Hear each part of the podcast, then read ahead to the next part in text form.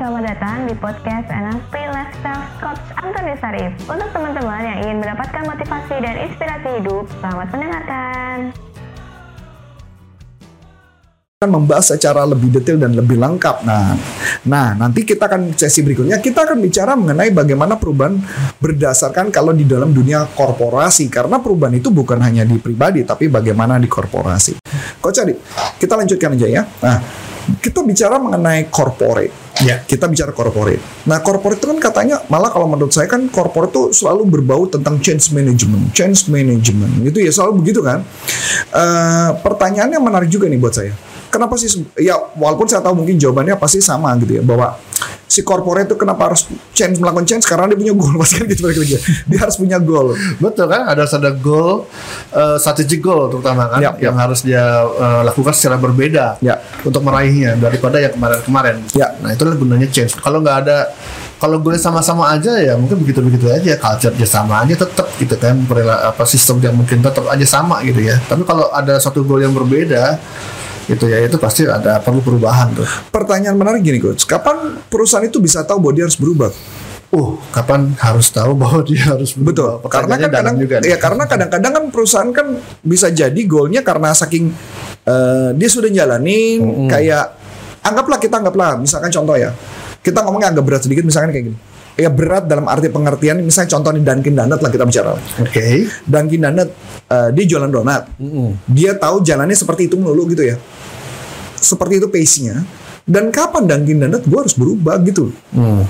Kapan dia harus switch gitu loh. Atau I don't know. Misalkan contoh juga kayak mungkin KFC atau mungkin juga McDonald. Iya. Dia tahu dari mana dia harus melakukan change management gitu. Ya banyak sih eh, jalur cara tahunya ya. Hmm. Yang paling simpel kan pakai SWOT analysis gitu kan. Oke, boleh dijelasin coach? Kalau di perusahaan itu kan ada secara strategik ya kan. Ya, dia akan mengakses dulu kan opportunity eh, maksudnya gini.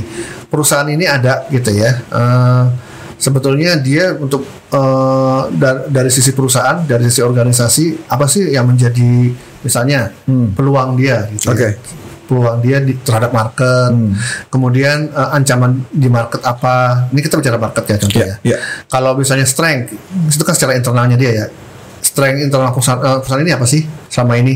Kelemahannya apa? Nah dari situ kan bisa dilihat kombinasi-kombinasi itu ternyata misalnya antara strength dengan eh, strength dengan weakness Oke. atau strength dengan opportunity, strength dengan threat gitu ya, atau weakness dengan opportunity atau weakness dengan threat itu kan bisa kelihatan oh ternyata ini kayaknya ada yang perlu diubah nih gitu, Hmm. ya kan? Itu yang sebenarnya kalau pertanyaan yang menarik gini ya. Jadi buat teman-teman jadi tadi SWOT analisis adalah kita melihat berdasarkan strength kalau kekuatan perusahaannya apa, kelemahannya apa, weaknessnya, opportunity ada peluang-peluang apa yang terjadi dan ter- ancaman apa yang lagi terjadi. Nah misalkan kayak contoh ancaman yang sekarang kan pasti COVID lah ya. Karena saya tahu banget kan katanya KFC aja lagi merugi kan. Bahkan oh ya Garuda pun merugi kan. betul. Nah, Garuda merugi nih. Nah, ini menarik nih, coach. Tapi kan yang jadi menarik kan kalau nggak salah Garuda itu sampai terpaksa meminta karyawannya untuk pensiun. Nah, coba saya mau ngajak, eh, saya nggak tahu nih kalau kita bahas ya. Sebenarnya kapan sih Garuda harus sadar bahwa dia harus melakukan change management sebenarnya? Ya sebetulnya ya eh, ya mungkin strategi dia untuk mempensiunkan orang banyak itu ya salah satu bentuk change managementnya. Exactly. Tapi pertanyaan saya kan, tapi menurut saya kan itu yang saya dengar katanya dia ruginya per bulan setriliun kalau nggak salah. Oh, Oke. Pertanyaannya adalah kan itu udah keburu istilahnya saya kan udah keburu utangnya udah di udah di atas mata kita tuh ya. Iya. Jadi berarti kalau tenggelam kita udah di atas kepala nih. Pertanyaannya adalah supaya kita tidak seperti itu. Oh jadi apa yang ah, ah, pencegahannya jangan sampai gue udah utang satu triliun dulu. Dia kalau nggak salah utang berapa 14 atau berapa belas Iya. triliun gitu katanya. Itu udah telat kali ya. Udah keburu telat. Nah makanya apa yang mungkin Coach Adit advice sebagai Coach Adit kan pernah belajar juga tentang eh, business coaching, ya kan dari eh, Brad Sugar, ya eh, dia adalah pakar business coaching terkenal di dunia. Kira-kira apa yang harus dilakukan sebenarnya Coach se- sebelum keburu itu mencekek leher gitu loh? Apalagi buat teman-teman mungkin perusahaannya nggak segede Garuda, tapi apa yang harus dilakukan sebenarnya? Oke. Ini kan pertanyaannya simpelnya apa gitu ya. Betul, betul, betul. Praktisnya seperti Praktis yang sederhana aja lah, nggak perlu teori-teori lah Ya, kalau gitu. Mungkin kita nggak boleh ngomong Garuda lah ya. Ya, Ya, ya. Siapalah kita. Ya gitu. siapalah kita. kita korpor aja deh. Enak kan lebih enak menangis ya. perusahaan Tapi menurut saya sih kita punya hak ngomong. Kafe, kafe, kafe. Kafe ya. Ya kalau misalnya KP itu ternyata dia selama eh, udah beberapa kali dia menggunakan strategi yang sama gitu ya, Mm-hmm. strategi yang sama terus tapi nggak ada perubahan, nggak ada perubahan itu dari apa sih angka dong, gitu. Duit kan. ya. Nah, itu kan yang realnya kan itu. Oh iya, betul juga, Bottom line-nya gitu Betul kan. juga, betul juga. Hmm. Bottom line-nya dia mengalami perubahan nggak gitu ya? Perubahan itu artinya membaik nggak gitu ya? dari merah, merah mungkin lama-lama ya mungkin jadi orange dulu gitu, jadi kuning dulu, terus lama-lama jadi hitam dan kemudian jadi biru gitu kan. Nah, Mm-mm. kalau nggak ada perubahan sama sekali kayak gitu udah beberapa kali gitu ya dan juga dia perhitungkan bahwa ini eh, udah nggak ada lagi dana gitu untuk eh, mensupport operasional bayar karyawan aja gitu ya itu kan ini suatu warning bahwa lo harus berubah gitu loh. strategi lo yang ini ini udah nggak bisa nggak bisa dipakai. Jadi jangan kita pakai cara business as usual, nah, tapi kita harus melakukan Ya. pengubahan ketika kondisi yang tadi tidak bisa membuktikan bahwa numbernya naik. iya Maka so we must change ya. Kita Iya. mesti ganti. tidak ada cost and effect-nya gitu lah Masuk akal, masuk akal. masuk. Ada sih cost effect ya. Tambah merah. Ah, iya. Ada. Cost effect-nya negatif, Tambah bukan negatif, tambah negatif ya. Nah, jadi itu ya. Nah, pertanyaan menarik coach. Kalau mama kayak gitu, seorang per- sebuah perusahaan ya, apa sih yang harus dilakukan ketika melakukan change management? Apa yang kan eh, kita ngomong perusahaan lah ya. Perusahaan kan banyak nih coach. Ada bagian operasional, ada bagian penjualan, ada bagian divisi ARD-nya. Mana dulu nih coach yang harus diperbaiki, bro? ya Kalau karena saya tahu banget kan ada beberapa bisnis yang kayak contoh siapa ya mobil Nissan kalau nggak salah. Nissan begitu mereka merah yang diperbaiki dihajar pertama adalah bagian finance. Keuangannya dulu dipapas diberesin dulu sama dia. Ya Baru penjualan. Nah, Se- kalau sebelum sebelum finance ada lagi harus diubah dulu apa tuh? Nah, ini menarik nih. A- Apa tuh coach? ya ya top manajemennya dulu Maksudnya gimana coach? Iya kan ya mindset top manajemennya dulu kan sebelum si top manajemennya Nissan ini memutuskan bahwa finance-nya harus di ini kan dia harus punya mindset yang berubah dulu dong Hmm, mindset yang seperti apa coach? ya ya dalam hal ini dia tahu bahwa ini harus ada yang dikorbankan nih finance misalnya ya contoh ya gitu keuangannya atau apa Em, kalau nggak dia yang berubah ya diganti dong manajemen Iya juga ya, iya juga. Ini yang saya jadi kayak related ya coach ya. Kayak di bukunya Jim Collins yang Good to Great. ya eh, tentang perusahaan yang bagus, eh, perusahaan bagus menjadi lebih luar biasa gitu ya. Eh, kan dia memakai konsep Stockdale paradox, di mana konsep Stockdale paradox adalah eh, melihat segala sesuatu dengan lebih positif, tetapi tetap harus melihat realita. ya Betul ya, realita bahwa kondisi lagi jelek dan sebagainya. Iya, jangan kayak ngayal-ngayal delusion gitu kan. Ah, menarik, menarik, menarik. Ini yang terjadi banyak perusahaan yang makanya ketika di masa pandemi mereka akan struggle banget ya. Iya, iya, iya. Hmm. Jadi baga biar bagaimanapun pertanyaan Coach Arif tadi, bagaimana supaya top eh, change manajemen di perusahaan itu berhasil ya diawali dengan komitmen manajemennya dulu. Hmm, kalau nggak diganti, di atasnya, ya kalau kan? nggak diganti, Ah, harusnya sih kalau dia memang benar-benar akan merasakan dampaknya langsung dia mau berubah gitu kan. tapi menarik buat saya kalau kita bicara human ya, kita bicara human, kok bisa bisanya ya coach ya, Eh, seorang atasan itu tidak eh, atau apa ya, mungkin bisa dikatakan terlalu positif ya. Kadang-kadang sometimes oh enggak lah nggak apa-apa lah, ini mah cuma sebentar, Iya. ini cuma sementara, Itu sebenarnya bukan positif sih. bukan positif. Itu denial Ah, oke boleh boleh dielaborasi? atau justification Ya, ya. gimana gimana? Iya. Ah, boleh dielaborasi? Ya, kalau di NLP sendiri kan mengatakan ya ada posisi effect, ada posisi cause gitu kan. Kita kan balik lagi nih kan karena topiknya NLP. Ya, ya, apa-apa. Kita baliknya ke NLP lagi nih ya. Ya, di dunia ini kan ada dua jenis manusia katanya Ya, kan. ya betul. Eh, yang yang dia menempatkan diri di posisi effect, posisi cause gitu kan. Yang posisi effect itu ya tadi orang-orang yang memang pertama ya kalau ada masalah dia ngeblame orang lain gitu kan. Hmm, Kemudian kalau nggak ada di blame lagi ya dia just apa excuse alasan bikin alasan. berdali, berdalih sebetulnya berdalih juga ngeblame tapi ngeblame situasi gitu kan. blame situasi. kalau nge kalau tadi eh, ngeblame itu ngeblame orang ya. Ini ini gara-gara ini nih karyawannya nih ini gara-gara bos gue nih ini gara-gara ini lah semuanya nih. Semua orang di blame. Kalau si, kalau excuse yang di blame itu adalah situasinya misalnya gitu kan. Ya emang covid lah di mana-mana juga sama begini gitu kan. Nah kita oke aja lah, ya udah kita minta bantuan dari Nah, pemerintah lah gitu ya. excuse ya kan. Nah yang terakhir itu denial denial. Denial itu ya udah dia udah nggak ada yang bisa di blame lagi.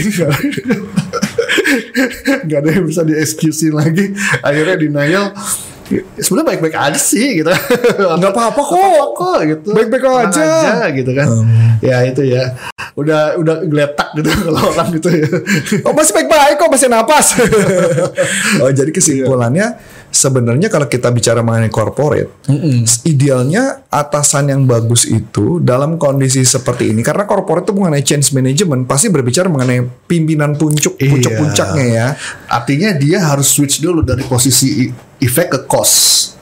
Atau sebenarnya memang dari awal memang dia harus tetap siaga ya. Oh, apalagi itu keren banget. Ya memang harusnya seperti itu ya dari awal seorang CEO, pemimpin, owner itu ya harus yang posisinya apa tadi? Uh, cost. cost. Tapi pertanyaan menarik coach. Nah ini yang yang yang eh, ini nggak tahu ya eh, kira-kira ke sebagai pemimpin ya dia harus sebagai orang yang cause atau penyebab bukan sebagai orang akibat. Yaitu adalah yang tadi munculnya adalah eh, blame excuse dan denial. So pertanyaan yang menarik adalah si atasan ini ketika mereka dia ngambil posisi cause. Dalam situasi seperti ini gitu ya dalam posisi seperti ini Eh, bagaimana dia tahu bahwa yang dilakukan itu benar? Karena kan situasinya gelap nih coach. Kalau ibaratnya kita lagi jalan di hutan ini kan kayak gelap banget nih. Bagaimana saya tahu bahwa ini benar sebagai atasan yang kita lakukan? Menurut coach pengalaman coach tadi gimana? Bagaimana dia tahu bahwa Ini benar. yang dilakukannya benar? Benar, karena kan dia change nih. Eh, saya mau belok ke kanan nih coach. Padahal ternyata bukan kanan belok ternyata kiri gitu. Tahu Iya. dari mana coach? Nah, dari goal goal yang mau dicapai itu dia harus men-set suatu indikator-indikator. Hmm. Indikator-indikator apa yang menunjukkan bahwa kita menuju ke arah yang benar tadi. Track yang benar. Iya ke track yang benar kan kalau goal goalnya kan kita bicara bicara goal akhir dong ya kan goal akhir tapi kan dalam rangka mencapai goal akhir ini kan pasti ada semacam milestone milestone Milestone ya atau pathway-nya ya. pathway-nya atau intermediary goals lah atau apa pun Hmm. istilahnya itu ya gitu. Misalnya gini, contoh simpel ya kalau manusia pengen langsing, misalnya pengen kurus. Ya, pengen beratnya menjadi 50 misalnya no, 50 kilo, 60 kilo misalnya gitu 50 kilo. Tapi kan itu kan goal akhir. Hmm. Harusnya kan ada kayak semacam intermediary stepnya dong. Misalnya oh bulan depan turun sekian, bulan depan turun sekian. Hmm, kalau Iya ternyata kan? nggak turun, berarti ada tindakan yang salah. Iya, jangan-jangan naik gitu. Oh. Nah itu kan, di situlah baru kelihatan. Jangan sampai baru ketahuan menjelang akhir gitu kan. Hmm. Ini menarik coach. Eh, saya baca satu buku tuh coach. Eh, Charles Duhigg. Iya Charles Duhigg.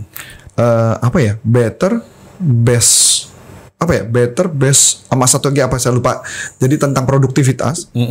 Eh, saya menemukan tentang stretching smart stretching kalau nggak salah Eh, smart stretching apa stretching smart stretching nggak saya lupa ya pokoknya smart goal tapi di stretching dia menceritakan satu cerita tentang di Jepang jadi Jepang itu katanya waktu selesai perang dunia kan Jepang lagi berantakan tuh. Mereka eh, memutuskan untuk bisa menembus dengan kereta dengan kecepatan nilai tertentu. Saya lupa angkanya berapa, kecepatan tertentu yang sangat cepat sekali.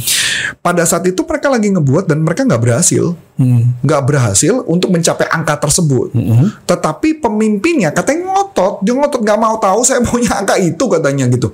Sampai akhirnya mereka buat eh, jalanan kereta apinya menembus gunung dan sebagainya. Dan itu katanya ditiru sama GE yang sebelumnya mereka pakai smart goal, dia mulai pakai konsep yang namanya stretching, saya lupa namanya. Kalau nggak salah stretching smart goal atau apa gitu.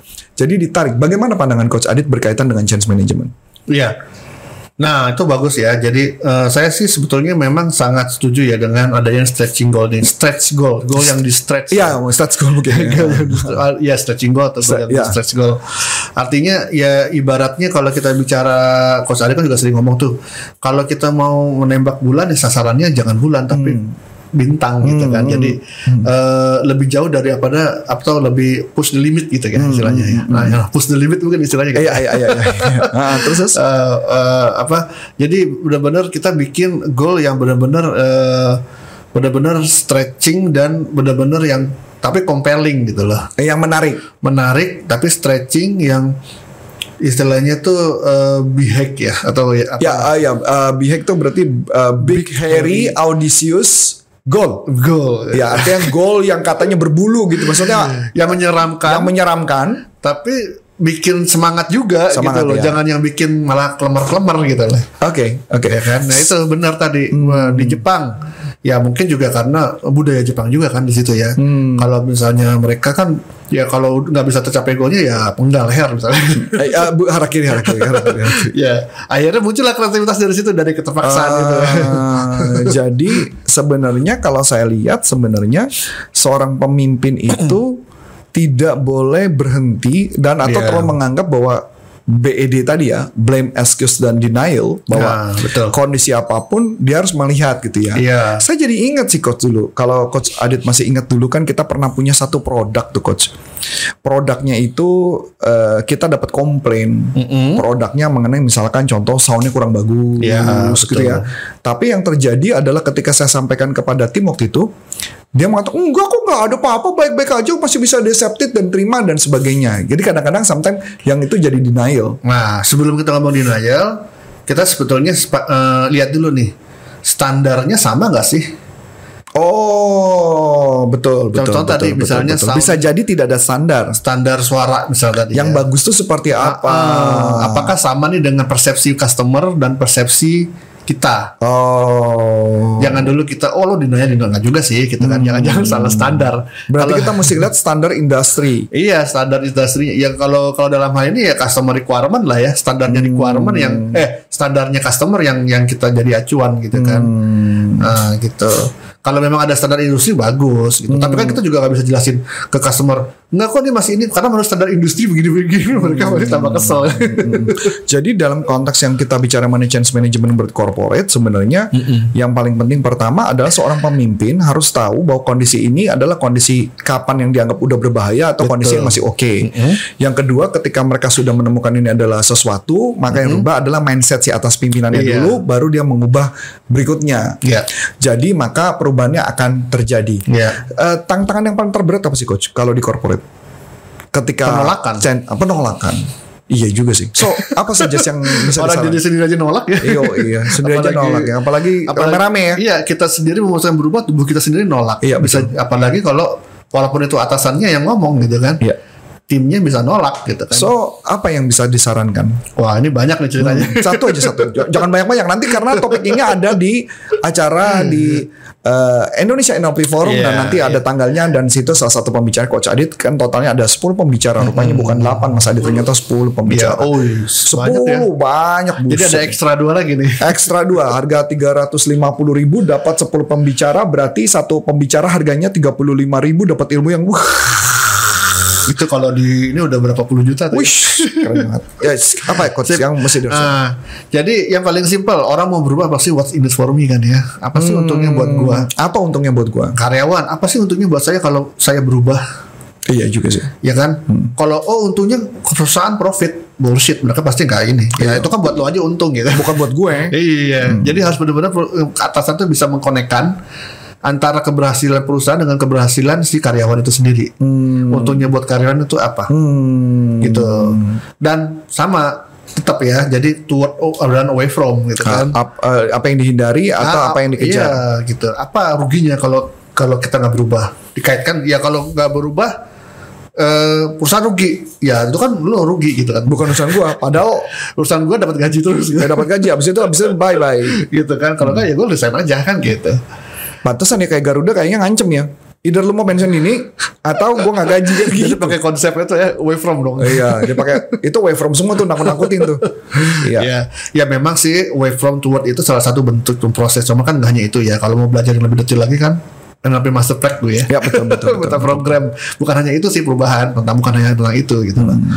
Oke, thank you banget coach. Ini this is good good banget uh, topik kali ini ya. Walaupun mungkin ada beberapa kata-kata yang uh, agak-agak jargon-jargon tertentu yang anda bingung. Misal big hack tadi ya, big hairy audacious goal itu adalah call yang begitu menakutkan. Nanti mungkin uh, sebentar lagi juga saya lagi nodong coach Adit untuk bikin YouTube. Nah nanti YouTube-nya Wah. kita bisa banyak banyak hal yang kita akan bahas, topik-topik yang kita bisa bahas. So kita bisa uh, akan dapat banyak manfaat.